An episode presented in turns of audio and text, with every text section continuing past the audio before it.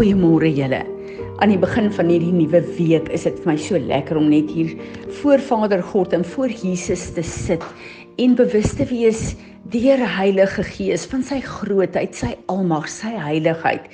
Die feit dat Jesus vir my en jou gesterf het om ons te verbind weer terug aan ons Vader. Dat ek en jy nie nodig het om wette en reëls en rituele te doen om te wys dat ons kinders van God is nie, maar dat hy die volle werk op Golgotha vir my en jou afgehandel het.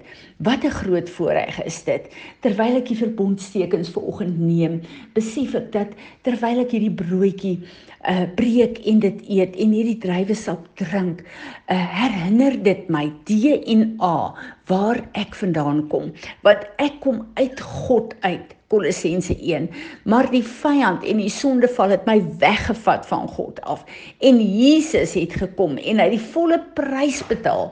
Sy bloed laat vloei. Sy 'n uh, 'n uh, liggaam laat breek dat wanneer ek hierdie tekens neem dan word my DNA terugverbind aan God en wanneer ek dit vier hier op aarde dan is daar letterlik 'n uitroep die Engelse sê 'n yearning van my DNA gees siel en liggaam om weer terug te keer na die volheid wat God my geskape het ek wil veraloggend met julle praat oor die genade van God en weet julle ehm um, ek luister sommer na Kent Kersfees en die begrafnisdiens van ehm um, sy seun Josh. En ek besef dis een van die moeilikste dinge vir 'n pa wat verkondig met sy hele wese die waarheid van die woord dat Jesus mense genees en dat Jesus mense uit die doodheid opwek. En hier moet hy staan by sy seun se begrafnis. En hy sê vandag iets wat ehm uh, die Heilige Gees met my begin praat het mee. Hy sê hy het jare terug was hy en sy vrou by 'n begrafnis gewees van 'n pragtige jong seun wat 'n um, scholarship gekry het wat in die begin van 'n wonderlike lewe was om 'n uh, uh, as 'n groot mens te begin. En die kind is dood in 'n motorongeluk en die pa het die begrafnis gedoen en hy het daar gesit en gesê Here, ek sal nooit my seun op my seun se begrafnis kan praat as dit ek was nie. En die Heilige Gees sê vir hom: "Kind, jy sal dit nie kan doen nie want ek het jou nie die grace gegee, die genade gegee daartoe nie." En hy het dit nie toe verstaan nie, maar hy verstaan dit nou. As ons in moeilike situasies is, dan kom die Here en hy kom gee vir ons die genade. En ek sit uh en ek dink aan wat die Here hier vir my sê deurkend. Nou julle weet dat ek hier in die uh middel van Januarie vir julle gevra het om asseblief my te bid want ek gaan deur een van die grootste emosionele storms en goed wat ek moes verwerk seker in my hele lewe. En dit is my baie baie baie moeilike tyd en elke keer as ek dink ek het nou goed redelik deurgewerk dan voel dit asof wat alles net weer voor my staan en dan's alles rou en sleg vir my. En vir oggend Toe praat die Heilige Gees met my en sê Fransie, dis omdat jy hierdie situasie in jou lewe self probeer deurwerk. En jy het my nie gevra vir my genade hiervoor nie. En hy herinner my, julle almal ken vir Willa, die oomblik toe ek was saam met Willa dokter toe en toe sy uit die uh, spreekkamer van die dokter uitkom wat vra gesê het sy kanker en uh, sy gaan haar bors verloor, het die Heilige Gees vir my gesê, "Lê hande op Willa." en bid vir 'n empowerment of my grace om hierdeur te gaan. En op daai oomblik het ek geweet dat daar gaan nie goddelike genesing kom nie. Uh maar God gaan vir haar kom uh bekragtig deur sy genade om deur hierdie goed te gaan. Nou ek en jy kan God nie bevraagteken nie. God is God. Nie een van ons kan sê hoekom hy met tye goddelike genesing laat plaasvind nie. Hoekom hy met tye mense uit die doodheid laat opstaan nie en ander tye kies hy om dit nie te doen nie. Ek en jy moet weet God is God en ons kan nie altyd al die antwoorde op aarde kry waarvoor ons vra nie. Nou my eerste ding was my eerste begeerte sou wees in hoe ek funksioneer om te bid vir Willa se goddelike genesing. Maar die Heilige Gees het gesê empowerment with my grace. En Willa se getuienis is dat die Here het haar deur hierdie behandeling en deur hierdie goed gevat op 'n goddelike manier en vandag is dit 'n getuienis van God se goedheid en God se voorsiening en God se genesing in Willa se lewe. Nou uh ek sit met hierdie hele ding en die Here sê vir my uh hy wil hê ek moet teruggaan na die skrifte en die woord wat hy vir my gegee het oor genade en uh, natuurlik Filippense 3 4 vers 13 is een van ons uh, geliefkoeste skrifte waar daar staan I can do all things through him who strengthens me. In 2 Timoteus 1 2 uh, vers 1 waar waar uh, Paulus vir Timoteus sê therefore my son be strong in the grace that is in Christ Jesus. Hier kom hy weer en hy kom praat van die genade. Nou ek en jy het 'n manier om te dink dat die genade van God is iets passiefs. Ons bid vir die genade van God en dan is dit iets passiefs, maar hierdie is eintlik 'n werkwoord. Dis 'n krag wat in my en jou release word. Jakobus 4 vers 6 staan daar. But he gives more grace. Therefore he says, God resists the proud, but he gives grace to the humble. In Handelinge 4 vers 33 staan daar. And with great strength and ability and power, the apostles delivered their testimony to the resurrection of the Lord Jesus and great grace Loving kindness and favor and goodwill rested richly upon them. Nou hierdie is die situasie waar hulle deur die uh, uh, fariseërs en die skrifgeleerdes gearresteer is en in die tronk gegooi is.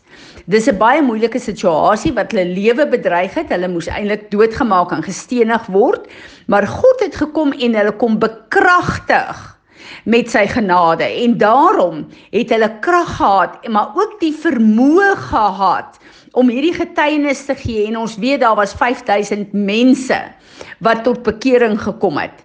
Hoe werk hierdie genade van God?